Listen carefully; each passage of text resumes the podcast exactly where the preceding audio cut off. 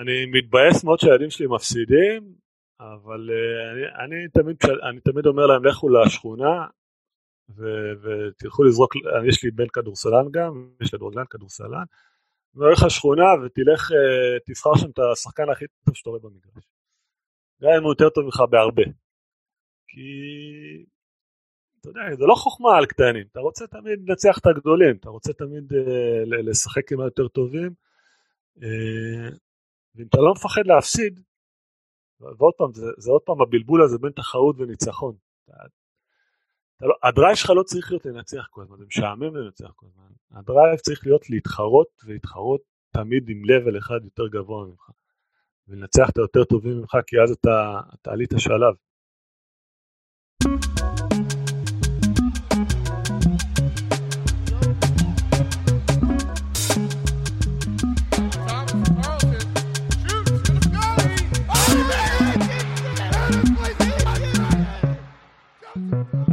ברוכים הבאים לפרק מספר 8 של הפודקאסט לצאת מהקווים, מאמנים מדברים על אימון, אני עמית רחמילביץ'.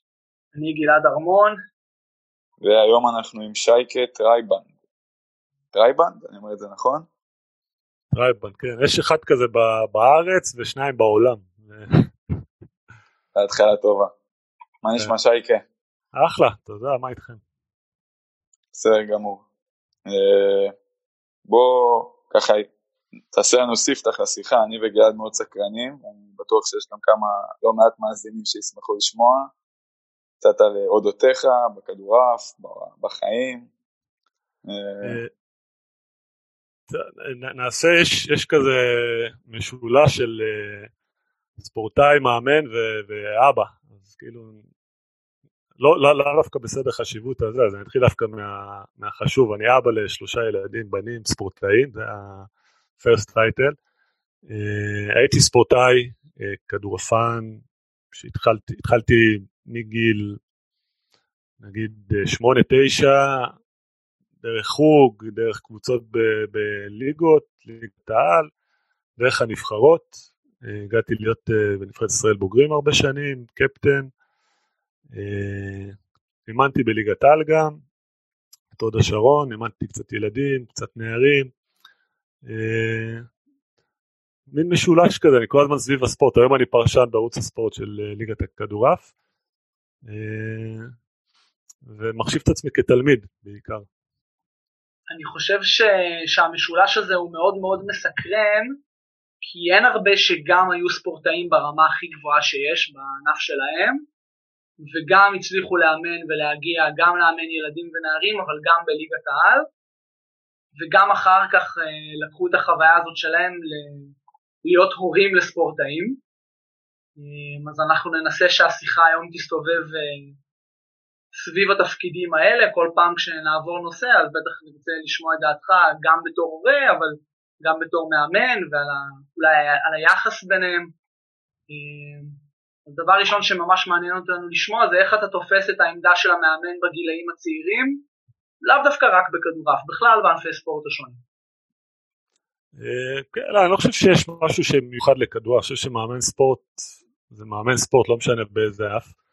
אה, אני, אני, המנטור שלי, זאת אומרת, הכרתי אותו בשלב טיפה יותר מאוחר, המנטור שלי זה דוגמת ג'ון וודן, שהוא היה אחד ממאמני הכדורסל האגדיים שהיו. אה, והוא אמר משפט יפה, הוא אמר אה, אה, a good coach can change a game, a great coach can change a life. וזה משהו ש... שבעיניי כאילו מזקק טיפה את, ה... את התפקיד של מאמן בעיניי.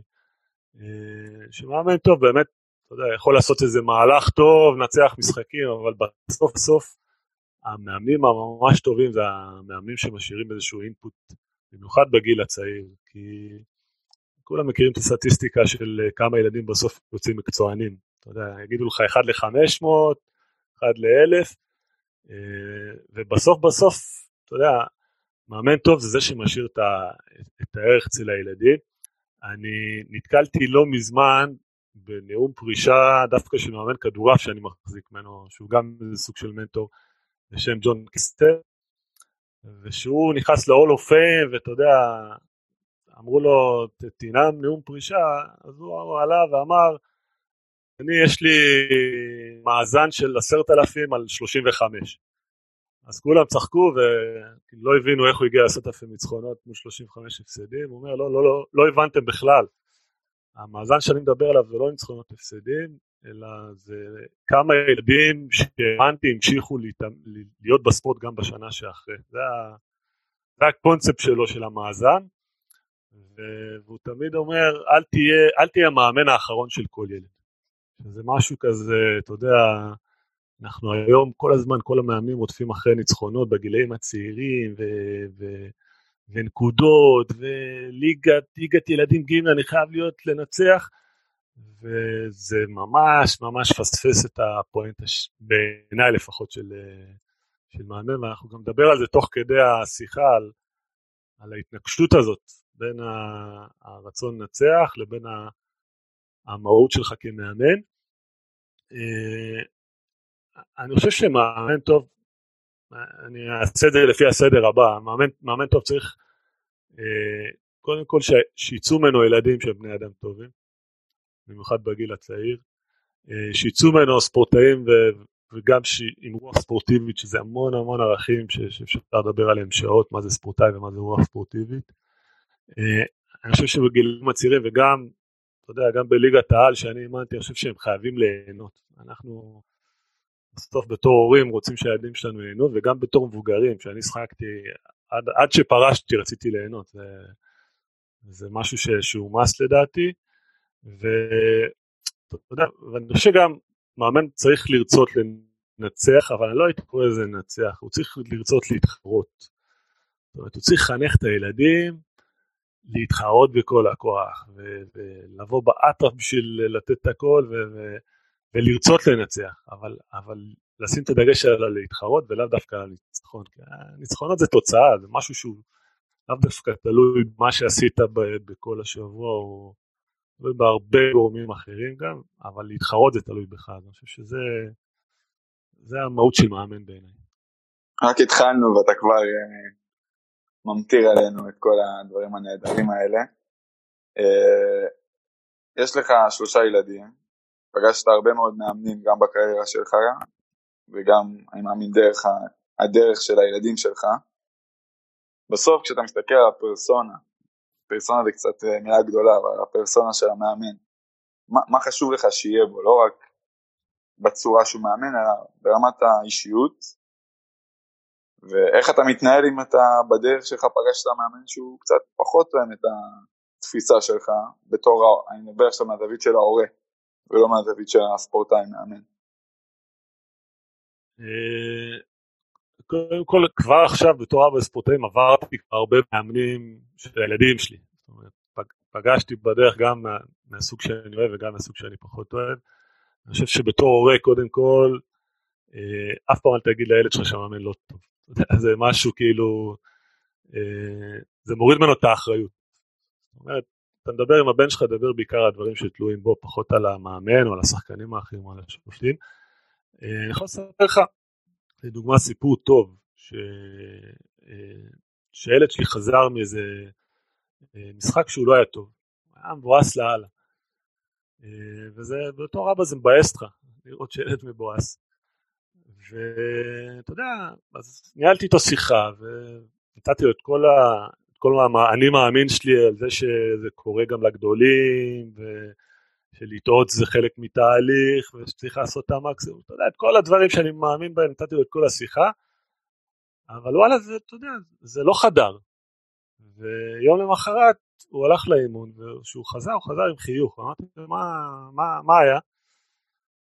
ואז הוא מספר לי שמאמן קרא לו בסוף האימון, ואמר לו שהוא הרגיש שהוא גמר את המשחק מבואס, ושהחוכמה זה ללמוד מזה, ושזה קורה, בדיוק הדברים שאני אמרתי לו, ושאתה יודע, שלעשות את המקסימום זה הדבר היחידי שהוא שולט, ממש כאילו, וזה חדר, וזה זה, זה פתאום, אתה יודע, זה ממחיש לך כמה כמה שאתה אבא, ואתה כן יכול להגיד את הדברים הנכונים, וצריך להגיד את הדברים הנכונים. בסוף למאמן יש כל כך הרבה כוח. ו... ובעיניי, אתה יודע, מאמן גם בגילאים הצעירים וגם בגילאים המבוגרים שאני אימנתי בליגת העל, הגדולה של מאמן זה בסוף קוראים לזה באנגלית uh, uh, sweet spot, זה כאילו למצוא את הנקודה המתוקה הזאת של כל אחד ומה מניע אותו, מה, מה הלמה שלו, מה, מה גורם לו לעשות דברים יותר טוב או לרצות יותר או לעבוד יותר קשה. זה, זה עולם ומלואו, זה גם שונה אצל כל אחד.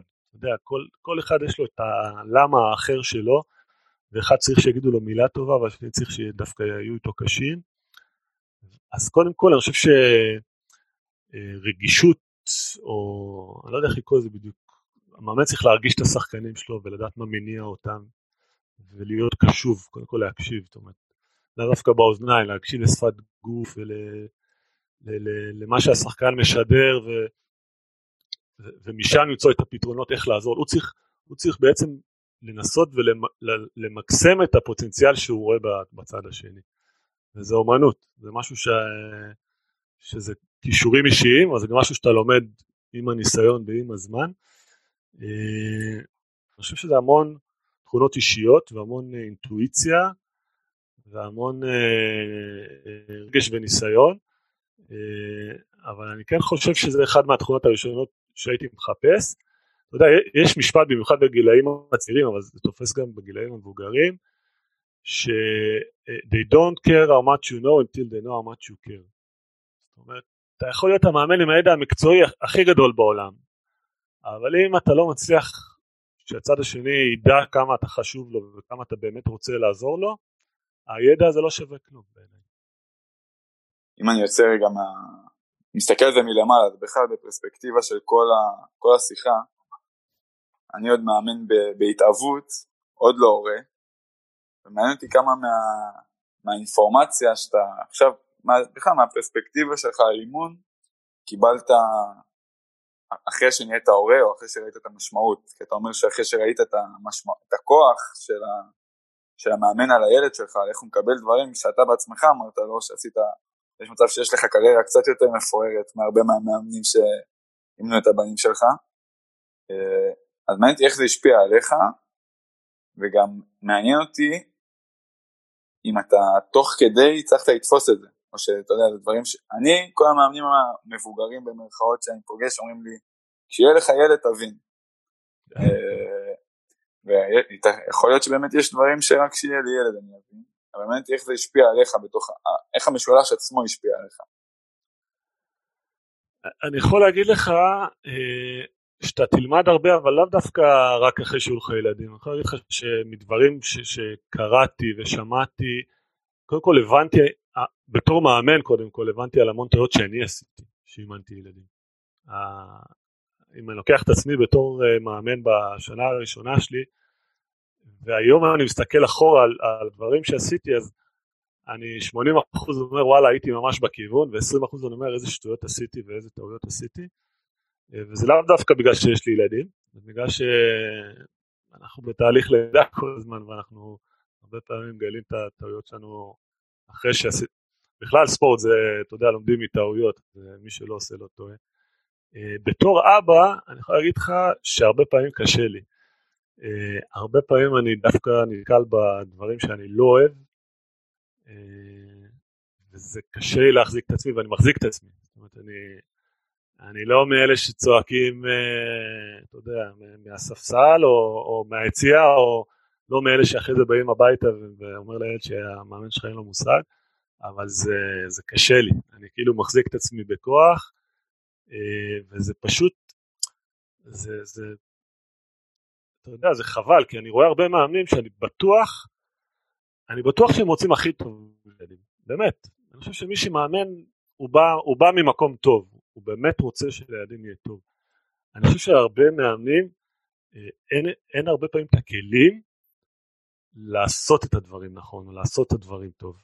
וזה הכל עניין של ידע, זה הכל עניין של לימוד, ו... ואתה יודע, אותו מאמן שאני כאילו לא יכול, אני משתגע שאני רואה אותו במשחקים עם הילד שלי, אם היה טיפה פותח את הראש, טיפה, אתה יודע, מנסה ללמוד קצת יותר, או לנס, מנסה ללמוד את עצמו יותר, אני חושב ש... שזה היה מעלה את רמת האימון. כמה שיותר מאמנים שירצו ללמוד ולהתפתח, וואלה, שימו עליכם מצלמה במשחק ושבו אחרי זה עם איזה מנטור שיגיד לכם, תראו פה מה עשיתם, תראו פה מה לא עשיתם, לאו דווקא מבחינה מקצועית, באמת, אני מדבר יותר על דברים, אמרתי לך, על הכישורים האישיים האלה, הבין אישיים, על, על מה, מה מניע את הילדים, ואיך לדבר איתם, ואיך לתת פידבק, ו, וגם באימונים, איך, איך לייצר uh, כיף. זה הכיף, כיף זה מילה שמנהמים מפחדים ממנה. אני יכול להגיד לך שאני בליגת העל, כמעט כל uh, אימון שיכולתי, שלא היה שם הרבה דברים שרציתי להעביר או לדבר הרבה, היה מוזיקה באימונים, ו- והיה המון משחקונים והרבה נקודות והרבה דברים של כיף ופאן, כי, כי זה לא, אתה יודע, אתה יכול לעבוד קשה, אבל ליהנות תוך כדי, זה לאו דווקא מילה שלילית שיהיה כיף באימון, זה לדעתי, במיוחד בגיל הצעיר דרך אגב, חייב להיות שם כיף אחרת, אחרת הם לא יישארו. איך הסיפור של טעויות מסתדר לך גם עם להיות הורה? כי אתה בטח גם רוצה שהבנים שלך יצליחו, ומצד שני כנראה כדי שהם ילמדו, אז הם יצטרכו לטעות את הטעויות של עצמם, למרות שאתה כבר יודע שזה הולך להיות גרוע ולצאת לא כמו שהם היו רוצים. אה, כן, נכון, תשמע, אני בגדול חסיד של טעויות. זאת אומרת, אה, זה גם אולי אחת מה... אחד מהדברים שאולי כשלתי בתור מאמן צעיר, שדיברתי הרבה ועל כל, אתה יודע, יש הרבה מאמנים שאם הם מסתובבים באימונים, אז הם כמו רדאר של טעויות. זאת אומרת, הם, הם אה, מסתכלים, רואים טעות, רגע, עוצרים, ואז אה, באים לילד ומתקנים אותו, במקום דווקא לתפוס אותם בקטעים הטובים. זאת אומרת, על, אתה יודע, אומרים שעל כל ארבע, ארבע ביקורות רעות אין ביקורת אה, מתקנת. אה, על כל חיוביות, ארבע חיוביות אין ביקורת מתקנת. אה, אני חושב שטעויות, אני כל הזמן, לילדים שלי כל הזמן משתדל את זה. תעשו ותטעו, תעשו ותטעו, תעשו ותטעו, תעשו ובסוף תצליחו. אה, אני חושב שזה אחד הדברים גם ש... שהלוואי וזה, אתה יודע, הלוואי וזה יהיה אצל כל המאמנים, הגישה הזאת, אה, שמותר לטעות. אני, אני יכול להגיד לך גם שאימנתי בליגת העל ואימנתי בוגרים, אם, אם הייתי כועס על מישהו אז זה לא על, ה, לא על התוצאה, זה לא על הטעות. זאת אומרת אם הייתי כועס על מישהו זה על הדרך, על ה, הדרך זה, זה או שהוא לא, על דברים שתלויים בו, או שהוא לא נתן את המקסימום ולא עשה את המאמץ המקסימלי, או שדרך קבלת ההחלטות שלו לא הייתה טובה, שזה גם משהו ש, ש, שהייתי מתעכב עליו וכועס, אבל אם, אם מישהו עשה את המקסימום, אתה יודע, עשה פאסט ברק בכדורסל, עלה ללייאפ, בדיוק כשהוא היה צריך והכדור יצא החוצה, עשה טעות כאילו, לא, לא הכניס את הסל, אבל אחלה דרך, אחלה מאמץ, אחלה תהליך. אתה יודע, זה, אני חושב שאתה חייב לעשות, אתה חייב לעשות טעויות, אתה חייב לעשות, אתה חייב לעשות טעויות.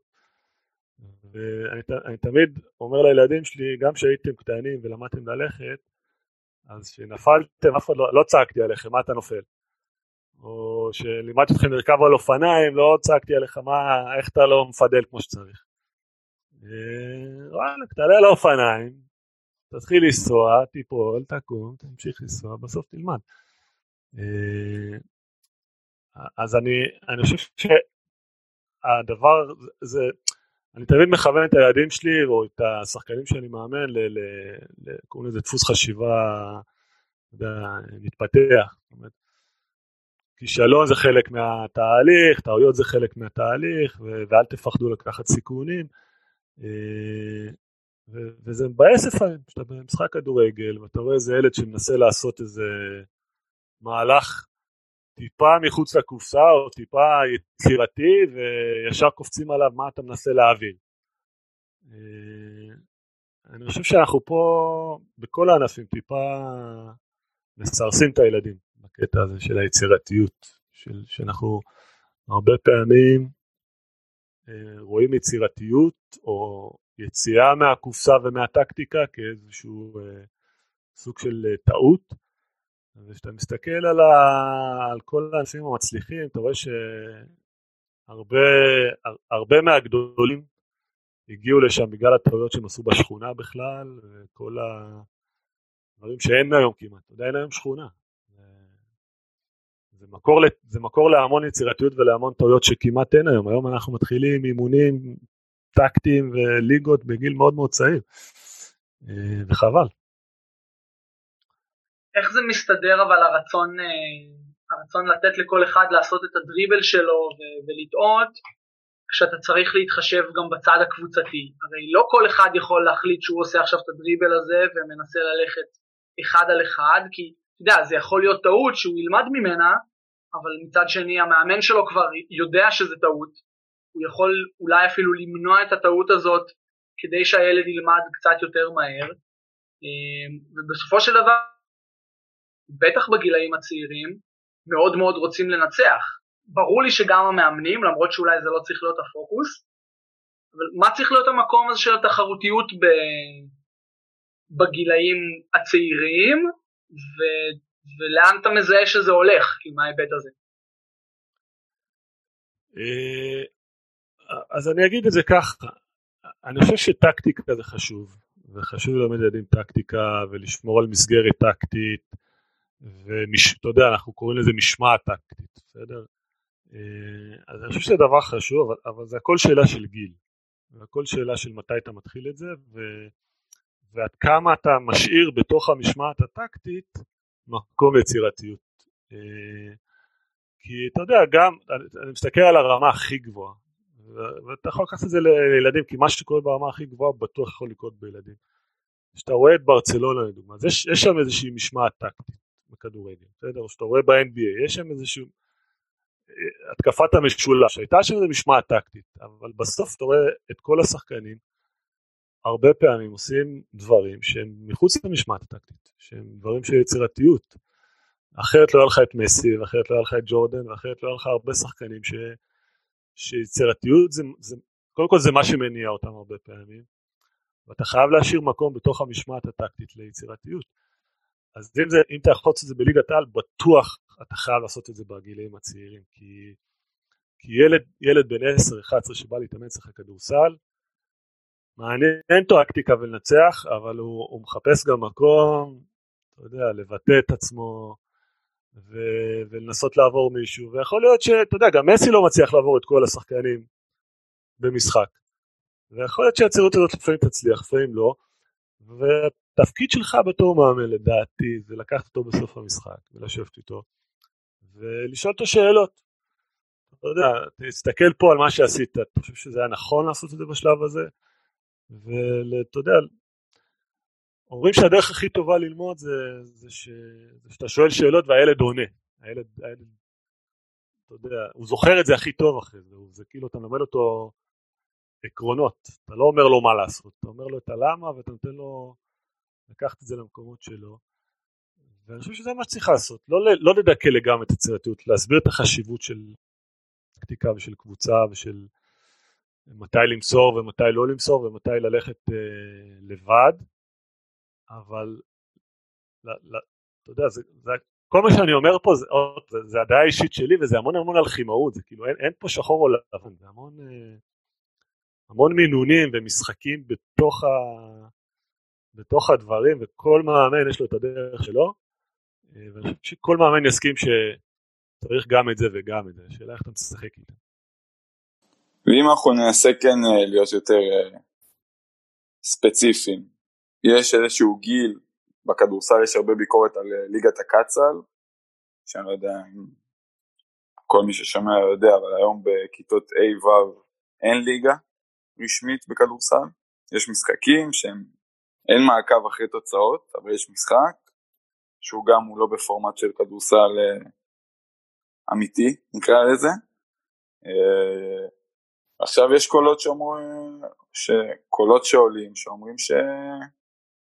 זה לא טוב, שהיום בשביל לשמור אותם אצלנו אנחנו צריכים את התחרות, שאלה, אני באופן אישי חושב שהמקום פה זה של המאמן, כאילו להשתמש בניצחון ככלי, שאלה איפה הגבול נמתח, אם ילד כיתה ו' יכול לרצות לנצח והמאמן יכול לרצות לנצח ונשמור על זה תחרותי או שצריך גיל שכבר באמת אתה מספיק בוגר. אה, בוא נחלק את זה לכמה דברים. אתה דיברת פה על לנצח, ואני עוד פעם, כשהייתי צעיר, אז אתה זוכר בתחילת השיחה, אמרתי לך, זה אחד מהדברים שרשמתי לנצח, ותוך כדי זה שהתבגרתי וטיפה חקרתי את עצמי בעיקר, אז הגעתי עם מסקנה, אתה יודע שאחרי זה גם מגובה במחקרים למדתי, אבל הגעתי עם מסקנה שהלנצח זה חשוב, אבל על להתחרות זה העיקרון החשוב. וגם ילדים, אתה יודע, שהלכו למחקרים ושאלו אותם מה, מה עושה לכם כיף, נדבר על ילדים בעיקר. אז הם דיברו בכלל על דברים ש... שלא קשורים ללנצח. לנצח, הם דירגו איזה 80 דברים שעושים לנף, הלנצח היה שם איפשהו באזור ה-40 ומשהו במיקום. זאת אומרת, מה, מה שהם דירגו יותר זה, זה לעשות הכי טוב שאני יכול, ומאמנים ש... שיהיו טובים, וזמן משחק. אתה יודע, בכדורסל לדוגמה יש דבר מאוד מאוד יפה, יש לי ילד שמשחק כדורסל, שעד גיל, עד כיתה ז' נדמה לי, אתה חייב לשתף כל ילד אה, לפחות שני חמישיות, הם משחקים אה, חמש חמישיות של אה, שמונה דקות נדמה לי, אתה חייב שכל ילד ישחק שתי חמישיות, שזה דבר מדהים בעיניי. זה, ולא, אני חושב שלא סתם הגיעו לזה, הגיעו לזה כי הבינו ש... לנצח זה חשוב, אבל הזמן משחק והתחרות, זה מה שילדים מחפשים. ילדים, ילדים אוהבים להתחרות. אני לא, חושב, אני לא נגד תחרות, אני מאוד מאוד תחרותי בכל דבר ואני בעד תחרות, אבל אני לא חושב שהניצחון צריך להיות מה שמניע, אלא התחרות, ובגלל זה אני מאוד מאוד מבסוט מהכדורסל ממה שהם עשו. אה, זה נותן, לה, זה משאיר את הילדים במשחק, זה נותן להם להתנסות. אתה גם, אתה יודע, הרבה גילאים צעירים, אתה לא באמת יודע מי יהיה טוב. אני אומר לך דוגרי, אני... אם היית מסתכל עליי בכיתה ו', אני לא בטוח שהיית אומר, וואלה, זה הולך להיות אחד מהשחקנים הכי טובים בארץ. ולא חסר דוגמאות, יש לך את uh, ג'ורדן ואת בריידי ואת פיפן, יש ים של דוגמאות. Uh, אז אני חושב שתמיד תמיד צריך תחרות, גם באימונים, אתה יודע, כמה שיותר נקודות וספירה ו... אתה יכול לשחק עם זה בתור מאמן בכל כך הרבה צורות, אה, כמה פעמים רצוף שאתה עושה משהו, זה תחרות, ולהתחיל תחרות משותפת ואז לפצל אותה לתחרות אישית, ועבדת על משהו באימון, אז על מה שעבדת זה שווה שתי נקודות אם אתם עושים את זה, או שלוש נקודות, יש לך ים של דברים לעשות בתחרות, אה, וניצחון זה חשוב, אבל זה תוצאה, זה... אם תשאיר, אם תלמד את הילדים להתחרות, אני תמיד אומר, ת, תעשו ילדים שהם לוחמים עם ערכים במקום uh, לחנך אותם להיות קנים. אתה יודע, היום מה, איזה תוכניות טלוויזיה היום הם הכי הכי נצפות? כוכב נולד, שף נולד, זמר נולד, כולם נולדים. אין לך, לא עושים לך תוכנית כוכב נבנה, או, או, או זמר צריך לשיר עשרת אלפים שעות בשביל להיות זמר, הכל זה אינסטנט, וזה לא אינסטנט, אתה חייב לשמר אותם כמה שיותר בספורט, שיאהבו אותו, ואתה יודע, לאט לאט אתה מגלה מי באמת אלה שיש להם את התשוקה להיות מקצוענים, ומי מי נשארו אנשים טובים שנתת להם ערכים, שזה גם סבבה. בוא נשאר בכובע המאמן, ונדבר על תחרותיות בתוך קבוצה, שזה משהו שכל ספורטאי תחרותי ומאמנים פוגשים לדעתי בשגרה היומיומית בכל הגילאים, כולם רוצים לשחק יותר, וכל אחד רוצה להתקדם ברוטציה. וזה הרבה פעמים יכול להתפרש גם כתכונה לא חיובית. מישהו שיחק הרבה, הוא מבואס, הקבוצה ניצחה, או מישהו יוצר חיכוכים חדר הלבשה ודברים כאלה. איך אתה תופס את זה כמאמן, וגם איך אתה מנהל את זה כמאמן. אה, קודם כל נקודה יפה, כי פה, פה נכנס הבלבול שדיברנו עליו מקודם בין אה, תחרות לניצחון ובין ערכים למטרה שמקדשת הכל. אה, ואני יכול להגיד לך, ש... אני, יכול, אני יכול לספר לך על איך הייתי בתור מאמן ילדים ואיך הייתי בתור מאמן בוגרים. אה, בתור מאמן ילדים הייתי בכדורעף, שם אין חובת שיתוף כמו בכדורסל, ועדיין דאגתי לגמור כל משחק שמישהו היה על המגרש, שכל אחד היה על המגרש. זאת אומרת, זה משהו ש... שהצבתי לי בתור מטרה, ואני אגיד לך שהיו לי מקרים גם שהייתי מכניס שחקנים שהם פחות טובים כאילו, אבל שהוכיחו לי באימונים שמשקיעים ואתה יודע, מגיע להם, למרות שהם לא טובים, מגיע להם להיות על המגרש בעיניי, ופתאום התוצאה משתנה, פתאום אה, מלהוביל 8-4 פתאום צמצמו ואפילו מובילים עליך 10-8 ואז בתור מאמן ילדים יש לך דילמה מה אתה עושה? אתה מוציא את הילד ונותן לו את ההרגשה שהוא ילד גרוע ועכשיו שפט בצד אני מכניס את הטובים בשביל לנצח או שאתה אומר אני אעשי את המערכה הזאת ואני אנסה לנצח את הבאה ואני אלמד את הילדים ש... שמי שמתאמץ באימון מגיע לו לשחק גם אם uh, את המשחק הזה לא נצח ואולי את המשחק הבא כן נצח. Uh, אני בתור מאמן השארתי אותם על המגרש ולפעמים הפסדתי מערכות זה. Uh, אבל ישנתי טוב בלילה והייתי מבסוט מעצמי אש. Uh, אני יכול להגיד לך שבבוגרים זה טיפה שונה, טיפה אבל לא הרבה. רגע, אז אני רוצה לפני שאתה מגיע לבוגרים, בתור מאמן ילדים ובתור מאמן גם ילדות הרבה שנים, אני יכול להגיד שרוב הזמן אלה שמצליחים לעזור לקבוצה לתפקד יותר טוב, רוב הזמן זה גם אלה שהגישה שלהם יותר טובה והם מתאמנים גם יותר בבית, וברוב הזמן לא צריכה להיות בכלל הדילמה הזאת. זאת אומרת, מי שמגיע לו לשחק יותר, הוא גם מי שמבצע אחר כך קצת יותר טוב. אמ, אבל כשאתה כבר כן מתחיל חילופים, ובליגות של הקצ"ל והילדים בכדורסל, גם אין חילופים. ילד משחק שמונה דקות ברצף, לא משנה מה. הקבוצה מובילה, הקבוצה על פיגור, הוא טוב, הוא לא טוב, חוץ מפציעה או חמש עבירות, הוא נשאר במגרש.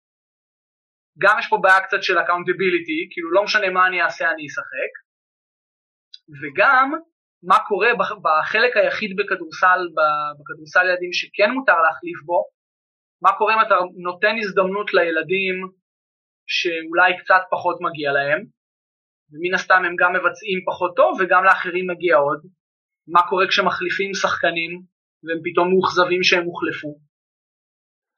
אה, טוב, כמה דברים. קודם כל, מה שאתה אומר על הכדורסל זה נכון. זה, יש, יש ביתרון הזה שאמרתי שנותנים לכולם לשחק, יש חיסרון של, של accountability. באמת, ילדים ש, שאתה מכניס אותם והם ישחקו למרות שהם לא השקיעו באימון לדוגמה, או אה, אמר לי את זה פעם בתור מאמן כדורסל, אמרתי לו, אתה צודק, אבל אתה יודע, אם הם לא השקיעו באימון ולא מגיע להם, יש לך דרך נוספת להגיד להם, אה, לא השקעתם השבוע, אתם פשוט לא תשחקו, לא, לא תתלבשו בכלל במשחק הזה. זאת אומרת, אתה כן יכול, אתה יודע, לתת להם את האחריות הזאת ולהגיד להם, רק מי שבאמת אני חושב שמגיע לו והשקיע כל השבוע, בכלל יהיה לו את הזכות ללבוש את המדים, ואז אין לך בעיה לשתף אותו ו... ולקוות שהוא ייתן גם על המגרש את המקסימום, זה מה שאתה צריך לקוות, אתה לא צריך שהוא יהיה טוב, אתה צריך שהוא ייתן את המקסימום. Uh, הדילמה מתחילה באמת בכיתה ח', ששם אתה יכול באמת uh, להחליף שחקנים ולעשות חילופים. Uh, וגם פה אין שחור ולבן, זאת אומרת, זה מאוד, אני אומר לך דוגרי, זה מאוד תלוי אם זה משחק בתחילת עונה ויש לך זמן להשקיע בערכים של הקבוצה יותר, וכל ה... אתה יודע, אחד בשביל כולם, כולם בשביל אחד ודברים כאלה. לעומת אם זה משחק אה, חצי גמר פלייאוף ואתה, ואתה רוצה לנצח אותו. וגם אותו אחד, אתה, אתה בסוף בסוף צריך להיות איתם הוגן, זה, זה מה שאתה צריך, אתה לא צריך לתת זמן משחק שווה לכולם. אתה צריך להיות הוגן, אתה צריך לתת לאלה שהתאמצו באימון, אם אתה יכול, זמן משחק, גם אם הם לא טובים, אבל גם הם יודעים ש, שיש שחקנים יותר טובים מהם, וגם הם יודעים שזה הוגן אם אנחנו בחצי גמר פלייאוף שהם ישחקו יותר ויקחו אותנו. אם, אם עשית את העבודה הנכון אז הם מסתכלים על הקבוצה כאותנו. אה, וגם הכוכבים, אם הוצאת אותם, הם לא אמורים להתבאס אם עשית עבודה נכונה, כי הם יודעים שזה אותנו, הם יודעים ש, שיש משהו מאחורי מה שעשית עכשיו. אה, אז עוד פעם, זה התנגשות בין ערכים, זאת אומרת, כל העבודה שאתה עושה עם הילדים ומלמד אותם על, אה, על מה זה קבוצתיות ואיך לשים את הקבוצה לפני הערך האישי שלך, זה, זה היופי בספורט בעיניי. מעבר לניצחונות ולסל של אדם אריאל בשנייה האחרונה, זה, זה באמת, זה, ספורט זה דבר יפה בעיניי, יש פה כל כך, אשתי תמיד שואלת אותי מה אתה מול המסך כל הזמן ומסתכל, אני אומר, תשמעי, יש פה קומדיה וטרגדיה ודרמה ואת כל הערכים שאת רוצה בכל סרט הכי טוב ש, ש, שאת רואה. אז, אז זה היופי, באמת לעשות את המיקס הזה בעיניי. סליחה שקטעתי אותך קודם ואני מחזיר אותך עכשיו לזה, אתה גם אימנת בוגרים בליגת העל ו... וגם למאמני הנוער ש... שמאזינים לנו, לא משנה באיזה ענף. אה, בשלב מסוים הניצחון מקבל אה, חשיבות קצת יותר גדולה, ככל שמתבגרים. איך אתה מנהל את התחרותיות הזאת בתוך הסגל, שכל אחד רוצה לטפס בהיררכיה ולקבל כמה שיותר הזדמנויות? אה, אני אגיד לך כמה דברים על ליגת העל ועל תחרותיות, כי זה, זה התחבר לי למה שאמרתי מקודם, גם בליגת העל, לדוגמה עם המוסר שלי, מוסר שהיה שחקן שישייה, הגיע לתחילת המשחק באיחור ו... ולא בא בזמן, הוא לא יעלה על המגרש, הוא לא יפתח. הוא יושב על הספסל ו... וזה, אתה יודע, גם אם אני אעשי את המשחק הזה. כי, כי בסוף בסוף אתה בונה פה איזשהו תהליך, אתה בונה, אתה בונה פה איזשהו דרך. אה, יש דילמות מאוד גדולות למאמנים שמגיעים לשלבים המאוחרים. אתה יודע, דיברנו על חצי גמר פלייאוף, על השלבים האלה ש, של הנוקאוטים וזה. אה, עד כמה באמת המטרה מקדשת את האמצעים, עד כמה באמת אתה שם את הערכים שלך בצד. הרבה פעמים מאמנים שמים הכל בצד, מה שמעניין אותם רק לנצח. יש כאלה שלפעמים מתעקשים על הערכים שלהם, וזה לפעמים עולה להם בניצחונות. כל מאמן באמת זה שק הערכים שלו ומה שהוא עושה עם זה. אה, לגבי התחרות בתוך הקבוצה, שמע, יש לך כל כך הרבה כלים לנהל את זה. אה, אני יכול להגיד לך שהרבה פעמים אתה, אתה קודם כל, אתה רוצה מנהיגים על המגרש, ואתה מחפש מנהיגים, והרבה פעמים אתה תיקח מישהו ותיתן לו תפקיד. אומרת, אתה תבוא אליו ותגיד לו, שמע, אתה לא השחקן הכי טוב בקבוצה, אתה לא הסקורר שלי שקולע 30 נקודות, אבל החמש דקות שלך על המגרש, בעיניי זה מה שעושה את ההבדל. השני פאולים שאתה עושה, או החטיפת כדור האחת שאתה עושה במשחק, זה ההבדל בעיניי לפעמים בין הפסד לניצחון. ומה שאתה עושה בזה, נותן לו משמעות קודם כל. אתה נותן לו תפקיד בקבוצה, נותן לו משמעות. לא כולם הם, ה, הם ה, אתה יודע, הכוכבים, אבל כל אחד צריך להרגיש שיש לו משמעות. ואחד מהדרכים הרבה פעמים לעשות את זה זה, זה לנהל את זה בצורה פיקטיבית בתור מאמן. אה, לייצר תחרויות שלא קיימות, אה, אתה יכול לעשות את זה ב, יודע, בחלוקת כוחות שאתה יכול לחלק אותם ופתאום לשים את הכוכב עם אה, ארבע יותר חלשים בשביל לראות איך הוא מתמודד, או אתה הרי גם הרבה פעמים השופט במשחקים באימון, אז אתה יכול לתת שריקות לא נכונות בשביל לייצר תחרות טיפה יותר טובה. אה, יש באמת, זה, זה גם איזה סוג של אומנות לשמור את המתח הזה. אתה יודע, כששחקתי כדורעף בקריית אתא, אז הרבה פעמים באו אלינו בטענות שהמשחקים בתוך האימונים הם הרבה יותר אינטנסיביים ו- ועם אמוציות הרבה יותר גדולות מאשר אנחנו באים ביום שלישי למשחק ליגה. אז חייבים אבל, חייבים לשמר את המתח ואת התחרותיות ואני לדוגמה בתור שחקן הייתי מאוד trash talker באימונים. בשביל כל הזמן לשמור את ההייפ הזה באימון, את, ה, את, ה, את ה drive הזה של כולם אה, להיות יותר טובים מזה שלידך. וזה גם סוג של כיף בעיניי trash talk, זה מתחבר הכל ביחד. ועכשיו בתור הורה, כשהבנים שלך צריכים להתמודד עם סיטואציה כזאת בקבוצות שלהם, איך אתה, איך אתה משדר להם את זה, ומה כאילו, ואם יש איזשהו קונטרסט בין איך שאתה בתור מאמן לדבר הזה, לאיך שאתה בתור הורה. אני חושב שאין קונטרסט. אני מתבאס מאוד שהילדים שלי מפסידים, אבל אה, אני, אני, תמיד, אני תמיד אומר להם לכו לשכונה ו, ותלכו לזרוק, יש לי בן כדורסלן גם, יש כדורגלן כדורסלן, והולך לשכונה ותלך, אה, תבחר שם את השחקן הכי טוב שאתה רואה במגרש. גם אם הוא יותר טוב ממך בהרבה. כי אתה יודע, זה לא חוכמה על קטנים, אתה רוצה תמיד לנצח את הגדולים, אתה רוצה תמיד אה, לשחק עם היותר טובים, אה, ואם אתה לא מפחד להפסיד, ועוד פעם, זה, זה עוד פעם הבלבול הזה בין תחרות וניצחון. לא, ה drive שלך לא צריך להיות לנצח כל הזמן, זה משעמם לנצח כל הזמן. ה drive צריך להיות להתחרות ולהתחרות תמיד עם לבל אחד יותר גבוה ממך. ולנצח את היותר טובים ממך, כי אז אתה, אתה עלית שלב.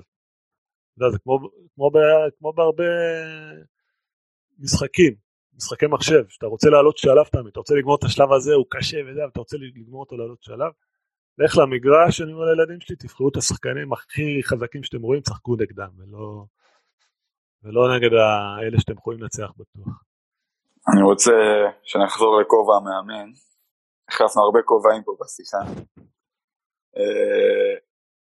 לא מזמן יצאת לחקור על נושא התרבות, מי שקצת עוקב אחרי הבלוג, הפוסטים והטורים שלך ברשת, אה, יצאת לחקור על נושא התרבות והקשר לספורט.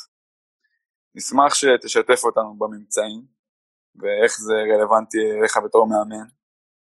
שמע, קודם כל זה, זה מחקר, לא, הוא לא ייגמר אף פעם המחקר הזה, זה מחקר שכל הזמן אה, אני חוקר את עצמי והוא מרתק כי כשאתה מדבר על ארגון ועל תרבות זה, זה תופס לעסקים, זה תופס לארגוני ספורט ולקהילות ולערים ולמדינות אה, ושואלים, אתה יודע, כשאני שואל את עצמי מה, מה באמת חשוב, אז, אז בעיניי בכל ארגון מה שחשוב קודם כל זה האנשים. אה, זאת אומרת, קודם כל תבחר את האנשים הנכונים. אז האנשים הנכונים זה אותם אנשים ששותפים לערכים שאתה רוצה שיהיו בארגון שלך ושותפים למטרות שאתה, שאתה מציב לארגון שלך. אה, ואני חושב שאתה גם הרבה פעמים לאו דווקא יכול להעתיק דברים מארגון לארגון. כי כל ארגון צריך למצוא לו את הלמה שלו. כמו שאתה יודע, אנחנו מדברים על הלמה הרבה. הלמה זה משהו שכל ספורטאי צריך למצוא, כל מאמן צריך למצוא, וגם כל ארגון. צריך להבין מה, מה, מה הערכים שהוא רוצה להביא, מה הגישה שלו, מה המטרות שלו. אה, אני חושב שבעיניי ערך מאוד, אחרי שדיברנו על אנשים, בעיניי ערך מאוד מאוד חשוב, זה, זה שכולם יהיו all in. אתה יודע, זה, זה בעיניי, ה...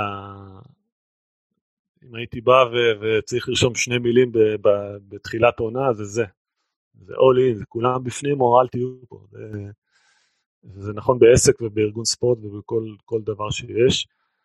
אתה יודע, קצת הפריע לי, אפרופו פוליטיקה וזה, קצת הפריע לי לשמוע את גנץ, שאומר לאשתו לא בא ללכת לבית ספר, כשמדבר על ללכת אז, אתה יודע, אתה לא יכול, זה לא יכול להיות, אתה חייב להיות עולין, אין דבר כזה, לא בא ללכת לאימון, או, או היום יש לי דברים יותר חשובים.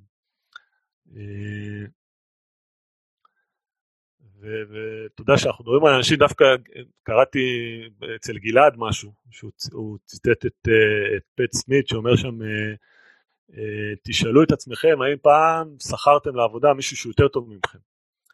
ואם לא, אז לכו עכשיו ותביאו אותו. אתה יודע, אז, אז אתה מציב את הארגון לפני עצמך, אתה אומר לעצמך, וואלה, אני צריך לשים מסביבי אנשים, לא רוצה לחזור עוד פעם לפוליטיקה, אבל כן, תציב מסביבך אנשים ש, ש, שיעשו אותך יותר טוב, שיאתגרו אותך ושישאלו את השאלות הנכונות. אה, אני חושב שארגון, אתה יודע, אם אני מסתכל על ארגון ספורט על מועדון ספורט, אז אם אתה שואל אותי מה הערכים שצריך להיות, אז, אז אותם ערכים שהייתי רוצה לראות מהספורטאים שלי, הייתי רוצה לראות גם אצל המאמנים, אצל היושב ראש ואצל המנכ"ל.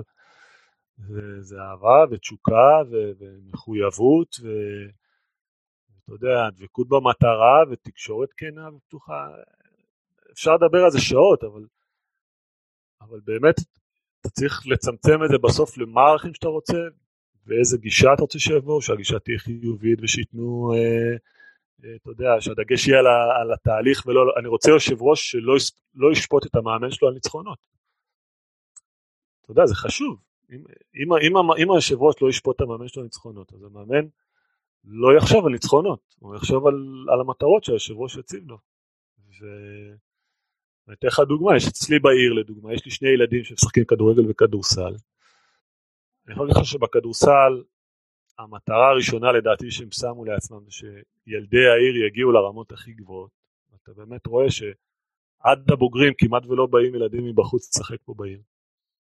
ובכדורגל הם שמו לעצמם שהניצחונות ולהגיע לליגת העל זה הדבר הכי חשוב. אתה רואה שאין כמעט ילדים מהעיר במועדון בגילאים מאוחרים.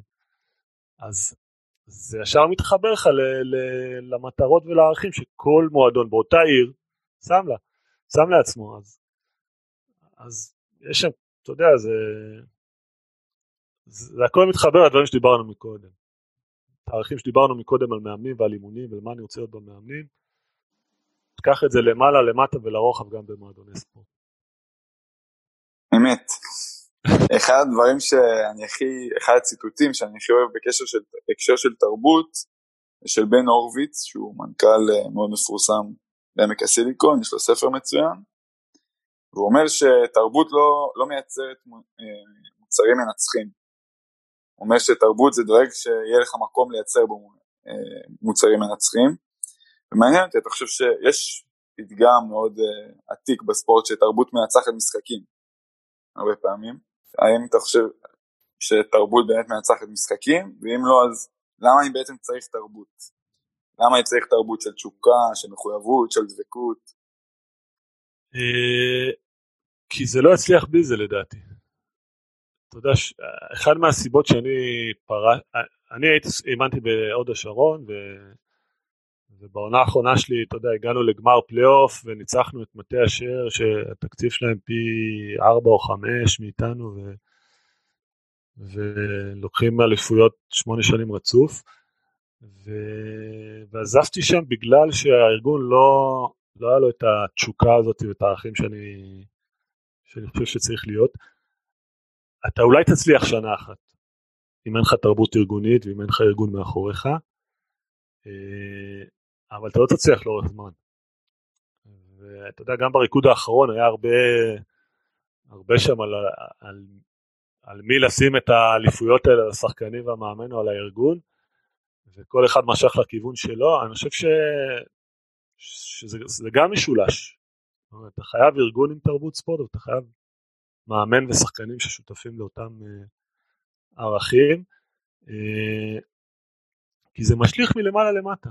זה, אין, זה, זה יכול להיות הברקה לפעם אחת, אבל זה לא יצליח לאורך זמן.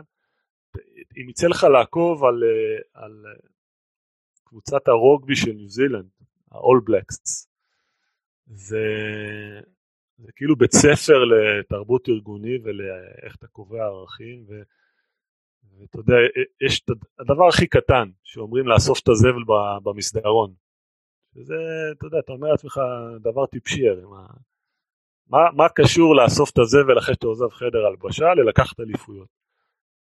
ווואלה, הדבר, הדברים הקטנים האלה, זה, זה אותם דברים קטנים ש, שכן לדעתי מייצרים איזשהו כוח, איזשהו, את המנוע שבסוף נותן לשחקנים הטובים ולמאמן הטוב את האפשרות להתפתח כמו שהם צריכים להתפתח ולהביא אליפויות. אני לא חושב שאפשר בלי זה. אני חושב שהם גם חיברו את זה ממש יפה ל... למילה לגאסי. יש גם ספר ממש טוב בשם הזה ש... שממש כדאי לקרוא אותו. מורשת בעברית זה בעצם מה שאתה משאיר אחריך. אחרי שאתה מת או אחרי שסיימת תפקיד, אבל גם איך, ה... גם איך החדר הלבשה או האולם נראים זה מה שאתה משאיר אחריך. ויש קשר מאוד, אה, מאוד גדול בין השניים האלה, גם אם אתה תדאג לסביבה שאתה, שאתה מתאמן בה, שאתה חי בה, אז יש סיכוי יותר גדול שהסביבה תדאג לך חזרה. חופשי, חופשי, וגם, אתה יודע, תסתכל בכל העולם על המועדונים שהצליחו באמת להשאיר איזה לגאסי גם מבחינת תארים, אתה תמיד תמצא שם ארגון, אתה תמיד תמצא שם ערכים, אתה תמיד תמצא שם תרבות. אני לא מכיר אפילו מקרה אחד של קבוצה שהצליחה לאורך זמן בלי הדברים האלה. כאילו, ושחקנים התחלפו ומאמנים התחלפו, אבל אני לא חושב שאפשר בלי, זה כאילו, זה must have, וזה הרבה פעמים, אתה יודע, אחד מהדברים ש, שחסרים לנו פה ב... זה משהו שאתה כן יכול לדבר עליו עם הילדים שלך? אה, אני לא חושב שהם בגיל של, אתה יודע, שמעניין אותם כל כך אה, על המעט... לא, פחות מעניין אותם המעטפת בגיל הזה. אה, זה משהו דווקא שאני כן מדבר עליו, אבל עם, עם חברים, חברים לענף. כי זה משהו שאם אתה באמת אוהב, בא מאהבה לענף, אז זה באמת משהו שמטריד אותך. אני יכול להגיד לך שאצלנו בענף הכדורעף מדברים על זה המון. וגם שואלים שאלות, לא תמיד יש תשובות, אבל הרבה פעמים אתה שואל את עצמך, אוקיי, אם הבנתי שארגון זה חשוב ואנשים זה הדבר החשוב, אז למה לא באים יותר אנשים טובים שאוהבים את הענף ונכנסים ועושים שינוי? והרבה פעמים התשובה נמצאת בפוליטיקה ובדברים הפחות יפים שיש לנו בספורט, אה, בכל הענפים דרך אגב, אני חושב שלפעמים פוליטיקה מרחיקה הרבה אנשים טובים מהספורט, אה, אבל אני, אתה יודע, אני, אני מנסה להישאר אופטימי. אני בסוף אומר, אלה שאהבה תנצח, אתה יודע, זה היה די גורדון, אהבה תנצח. בסוף האנשים שאוהבו את הענף כן ייכנסו וכן יעשו את השינוי, ו... ונראה הרבה יותר מועדונים ש... שעובדים נכון, שעובדים אה, עובדים מאהבה ומהתשוקה ומערכים. ו... לי זה ממש מתקשר בתוך הראש, לא יודע אם אה, כל המאזינים שלנו יסכימו, אבל בתוך הראש שלי זה ממש ברור, הסיפור הזה של תרבות, לטור שכתבת בשנה האחרונה על פורטנייט. כי בסופו של דבר, אני אנסה להסביר את עצמי, בסופו של דבר הטלפונים החכמים השתלטו עלינו גם בגלל שהם מעוצבים בצורה כזאת שקצת מתמכר אליהם וגם כי זה יצר איזושהי תרבות של אפשר לעשות דברים ממש בקלות וביחד ויש שם הרבה מאוד, הרבה מאוד כיף. אני ממש אשמח ככה בלי יותר מדי שאלות מנחות שכאילו כאילו תקריין לנו את, ה, את הטור שכתבת על, על מה, איך זה משפיע גם עלינו בתור חברה אבל גם בתור מאמנים הסיפור של, של משחקי מחשב או הטלפונים החכמים וכדומה. אה, אני אתפס במילה אחת שאמרת ושגם דיברנו עליה בהתחלה שזה כיף. אה, וזה, כשאתה שואל את עצמך למה, למה הרבה ילדים הולכים לפורטנייט, ווואלה, יש לי ויכוחים כל יום עם הילדים שלי על פורטנייט, אני הייתי בטוח שזה ייעלם באיזשהו שלב, אבל זה פשוט, זה לא נעלם הדבר הזה, זה, זה כבר סוג של gaming disorder, אתה יודע, סוג של התמכרות, אבל, אבל אני מבין למה, אתה יודע, וזה, זה, זה בא בדיוק למקום שהתחלת לדבר עליו, על הכיף, אה, וזה למה אני חושב שגם בספורט צריכים להתמקד בזה, ו... ואם אנשים לא מבינים מה הקשר בין פורטנייט לבין ספורט והשינויים שצריכים, אז אתה פשוט צריך ללכת ולהבין מה ההבדלים בעצם. זאת למה פורטנייט זה אלטרנטיבה לילדים? למה ילד יעדיף להיות בפורטנייט ולא בספורט? אה, אז קודם כל בוא נתחיל מהדברים שדומים בין פורטנייט לספורט, בסדר? מי שלא מכיר, פורטנייט זה, זה משחק אה, אסטרטגיה, אה, יריות, שאתה משחק אונליין עם חברים, אז קודם כל משחק חינמי, שזה כבר נתן לו איזה בוסט, אבל לא בגלל זה הוא הצליח כל כך. הוא הכניס שם הרבה הומור, חשיבה אסטרטגית, אבל גם לא בגלל זה הוא הצליח. אה, מה שהוא עשה שם, זה, הוא קודם כל יצר פלטפורמה שאתה יכול לשחק עם חברים ולשתף את הפעולה. ואני אתן לך, בהקשר הזה אני אגיד לך את הדבר הכי הזוי שהיה לי, שבא חבר, ל... לאחד מהילדים שלי בא חבר בגיל 12, אה, ונכנס אליו לחדר עם הפורטנט וזה, ואחרי רבע שעה הוא נראה אותו יוצא מהבית. אני אומר, תגיד לי, לאן אתה הולך? הרגע הגעת. אז הוא אומר לי, לא, אני רוצה לשחק עם רועי, עם הבן שלי, אני רוצה לשחק איתו פורטנייט, אז אני הולך הביתה בשביל לשחק איתו. עכשיו, זה הזוי, כאילו, אתה יודע, הם כבר לא, הם לא צריכים להיות אחד לשני, הם משחקים, יושבים בחדר אחד של שני והם משחקים. ואם נחשוב על הדברים הדומים, אז קודם כל יש מנצחים ומקדימים, יש שם תחרות מסוימת. צריך לשרוד, אתה בין 100 משתתפים, מתחיל עם 100 משתתפים, אתה רוצה להיות האחרון שנשאר על האי, אז יש, יש את התחרות ואת הניצחון אה, ואת ההפסד. אה, מה שיכול לעזור טיפה בפורטנייט זה שאתה לא מול קהל, באולם עם קהל וזה, אתה, יש מספר עיניים מצומצמות, דיברנו על טעויות, בספורט הרבה פעמים, בגלל טעויות של מאמנים, ילדים מפחדים לטעות, ובפורטנייט לא, בפורטנייט לא מפחדים לטעות, הם אה, יודעים שהם אה, ישחקו ויעשו טעויות ואם יהרגו אותם אז הם עוד שנייה ייכנסו עוד פעם למשחק הבא ואף אחד לא יצעק עליהם ואף אחד לא יגיד להם מה עשית. למרות שיש לי צעקות שהילדים משחקים על אה, דברים כאלה אבל, אבל זה פחות נורא מזה שהמאמן צועק עליך מה עשית לדעתי וגם שם אתה צריך לקבל הכללות, אתה צריך לקבל החלטות, אתה צריך שיהיה לך אתה יודע שככל שתתאמן יותר וככל שתשחק יותר פורטנייט אתה, תהיה יותר טוב. אה, אז זה דווקא דברים שכן קשורים מאוד לספורט. אה, ואז אתה צריך לשאול את עצמך, אוקיי, למה, למה, מה מה יש בפורטנייט שאין בספורט? למה ילדים בכל זאת יעדיפו להיות בפורטנייט? ומה שאין שם זה קודם כל, אה, אין שם זמן המתנה. הרבה פעמים בספורט, אני לפעמים רואה אימוני כדורגל, אתה רואה ילדים בטור, אה, עד שמגיע להם הכדור עובר עשר דקות, עד שכל הטור עשה משהו, אה, בפורטנייט אין את זה, אין לך זמן המתנה, וואלה, נכנסת למשחק, אתה משחק, אתה משחק הרבה, אתה משחק עד שנגמר לך הזמן. אה, אז זה כן משהו שאתה יודע, שאפשר ללמוד ממנו, איך אתה כל הזמן באימון דואג ש... שהילדים יהיו מעורבים, אין זמן מת באימון, לא צריך להיות זמן מת, כל הזמן הכדור באוויר, כל הזמן אתה עושה איזה פעולה, גם בלי הכדור, תעשה פעולה בלי הכדור, אבל... אז זה מה שיש בפורטנט, בפורטנט הם כל, הם כל הזמן מתחבאים, הם כל הזמן צריכים לזוז, הם כל הזמן, כל הזמן מעורבים במשחק. אה, אז זה דבר אחד. הם יכולים לשחק עם איזה חברים שהם רוצים, שזה אין לך בספורט, בספורט יש לך, אתה תקוע עם אותם 12 חברים שיש לך, הרבה פעמים אין לך את הדינמיקה הקבוצתית, בתור ילד אתה לא כל כך מסתדר בקבוצה שלך, אה, ובפורטנט יש לך את הבחירה, אתה יכול לבחור עם לשחק. אה, אז, אז פה גם יש מה ללמוד, זאת אומרת איך כן לגרום בסוף לכל ילד למצוא את המקום שלו בקבוצה, איך לדאוג שאין ילד שנשאר בצד, איך לדאוג שיש ילד שמרגיש לא טוב. מה שיש לך עוד פעם בפורטנט זה שהילדים הילדים מרגישים שהם בשליטה, שהכל סובב סביב מה שהם רוצים. הרבה פעמים כשאתה בא לספורט אז הרצונות והצרכים הם לאו דווקא של ילדים של המבוגרים. המאמן רוצה לנצח, אז, אז זה לא משהו שהילד, אה, אמרתי לך, זה לא משהו שהילד ממש רוצה, הילד רוצה להתחרות, הוא לא, לאו דווקא רוצה שהמאמן יעשה הכל בשביל לנצח. ובפורטנייט הילדים מרגישים שזה הכל סביב הצרכים שלהם.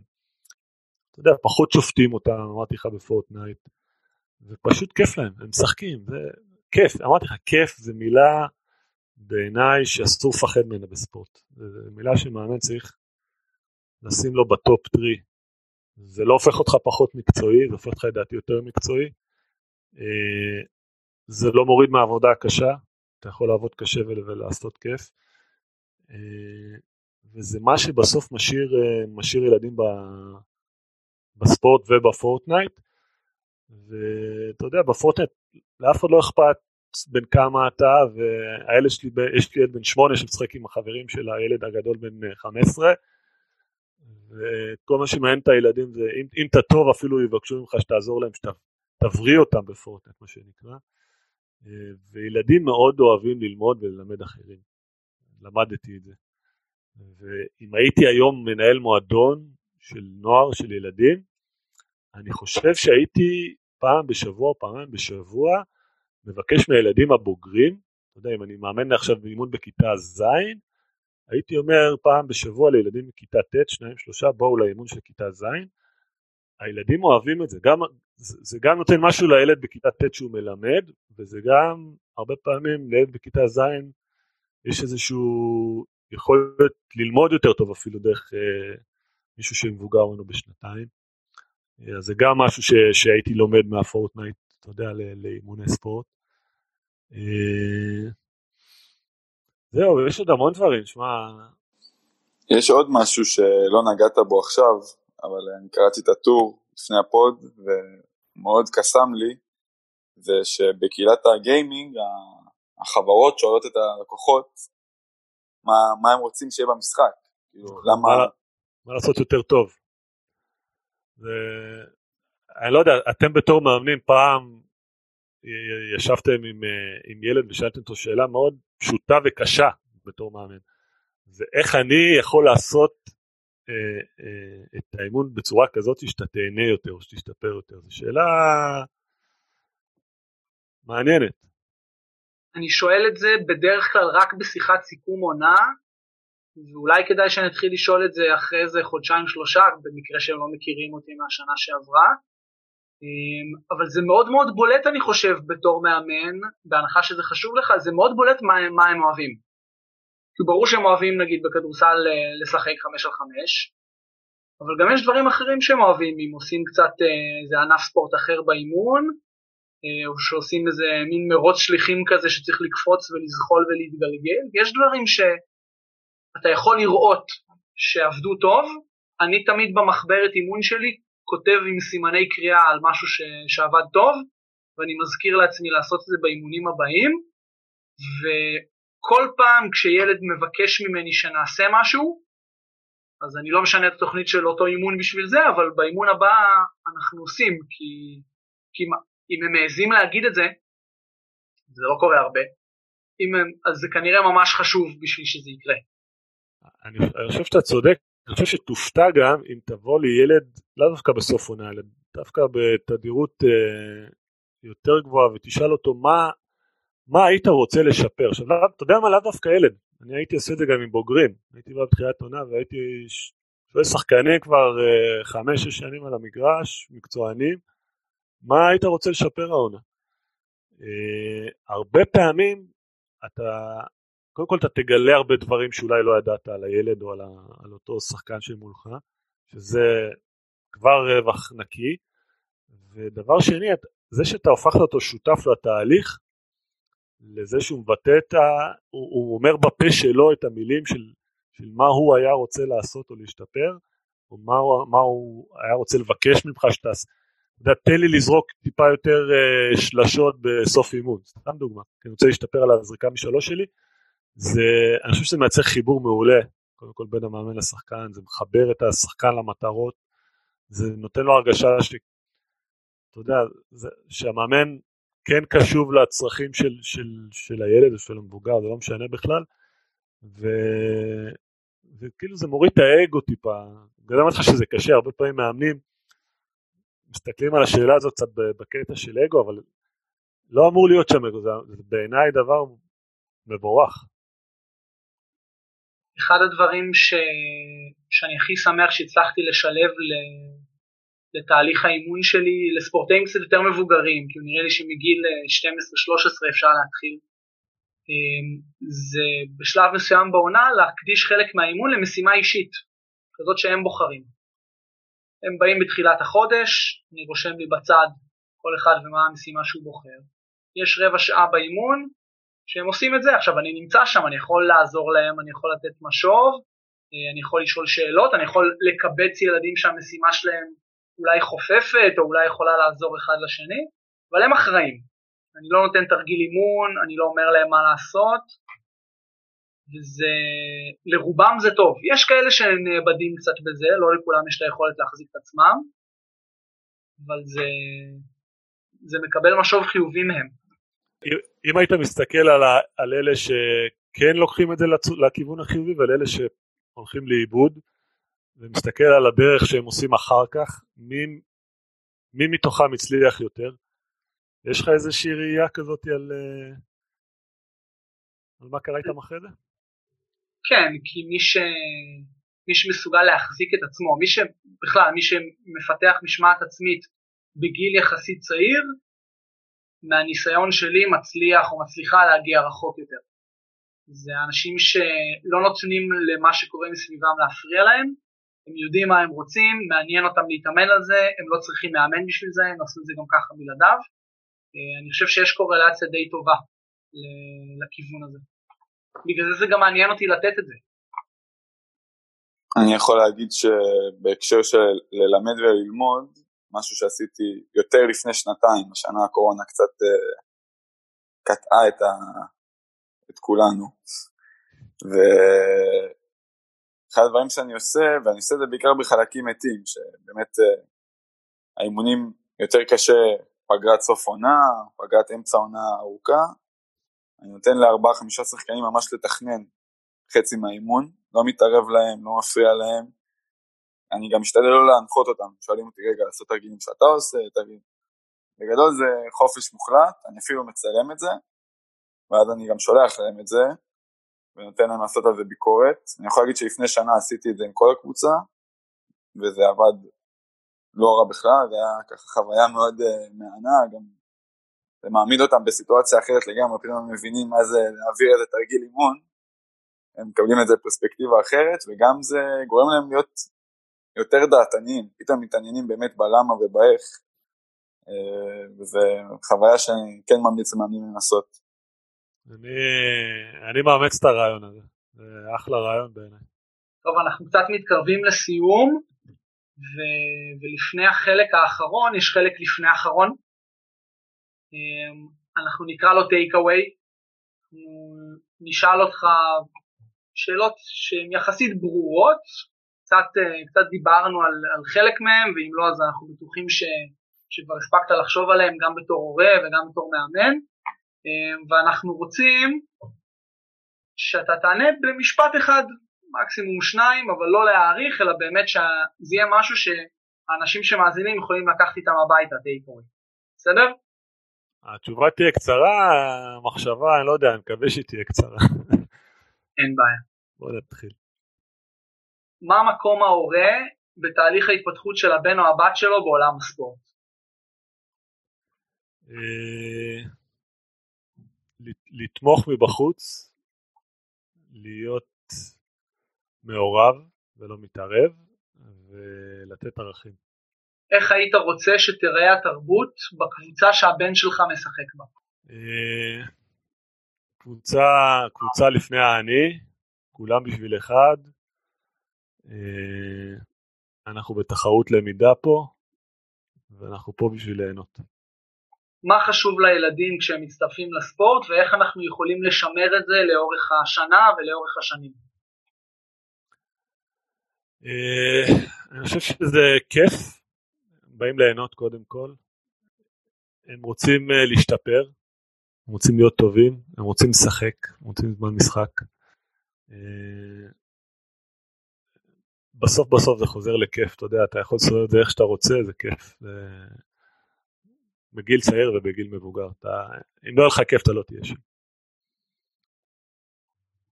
איך עוזרים לספורטאי לקבל החלטות יותר טובות על המגרש? קודם כל עושים לו אימונים דמויי משחק. זאת אומרת, זה, זה, קודם כל זה לא תהיה תשובה קצרה התשובה הזאת, כי זה שיגע אותי בתור שחקן, זה שיגע אותי בתור מאמן. עד היום אני לא מבין למה מאמנים מתעקשים לעשות דברים שלא קשורים למשחק באימונים. אה, אתה יודע, 80% מהאימון, או אפילו יותר, צריך להיות דמוי משחק. תשים את הילד, תשים את המבוגר, תשים את הנער, בהמון מצבים שהם כמו במשחק, כי, כי אחרת אין, אין לזה שום ערך בעיניי. אה, אני יכול, אמרתי לך, זו לא תהיה תשובה קצרה, אני יכול לתת לך דוגמה מהכדורסל, אה, שהרבה פעמים אני רואה באימוני קליעות את המכונה שעומדת מתחת לסל, ואז אתה זורק והיא נותנת לך כדור, כאילו, תופס את הכדור ו-catch and shoot כזה. עכשיו במשחק זה כמעט ולא קורה, אתה כמעט ולא מקבל כדור לזריקה ממישהו שעומד מתחת לסל ממש. אז למה, אתה יודע, למה אנחנו עושים את זה? תעשה catch and shoot אלף זריקות בשעה, אבל זרוק לשחקן את הכדור מכל מיני מקומות שונים במגרש, לדעתי. כי, כי זה לא עשרת אלפים שעות, אתה לא צריך עשרת אלפים שעות, אתה צריך עשרת אלפים שעות שהן מדויקות, שהן דמויי משחק, שהן מייצרים לך מצבים. בסוף בסוף אנחנו כמו איזה, יודע, שולחן מגירות שאנחנו מאפסנים המון המון אה, החלטות שעשינו באימון, ואתה רוצה שהשליפה תהיה כמה שיותר מהירה. אתה חייב, מצטער על התשובה הארוכה, אבל זה, זה, זה משהו שתמיד תמיד מטריף אותי. אל תעשו דברים שלא קשורים למשחק באימון. איך מפרידים בין תפקיד המאמן לתפקיד ההורה? מחזיקים חזק חזק uh, את הרגל שאתה רוצה להגיד משהו שאתה יודע שאתה לא צריך להגיד ולא אומרים אותו. זה בעיניי העצה הכי טובה. למה לי לצרף את הבן או הבת שלי לספורט תחרותי? וואו, uh, זה נותן לך כל כך הרבה ערכים של אה, נחישות והתמדה ורצון להשתפר וחברות ו... שמע, זה כל כך הרבה, באמת, אמרתי לך, זה ספורט, זה, זה, זה כל כך הרבה דברים שבעיניי נותנים לך אחרי זה כלים לחיים. טיפ למאמן המתחיל? אל תפסיק ללמוד. ושאלה אחרונה, למה לאמן?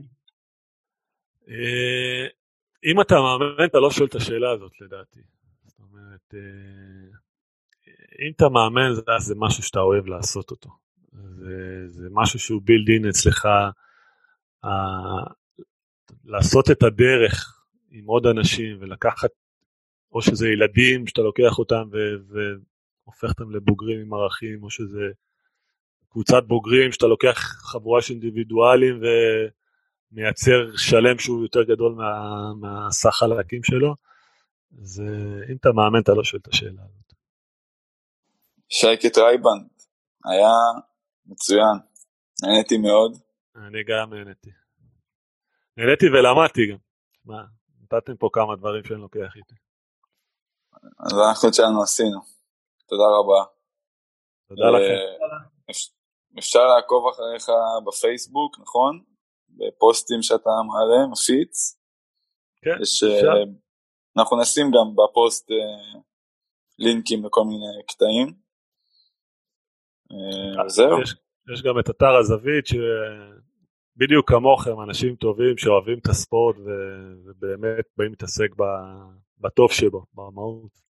ואני גם אמשיך לעקוב אחריכם, דרך אגב, אחלה חומרים.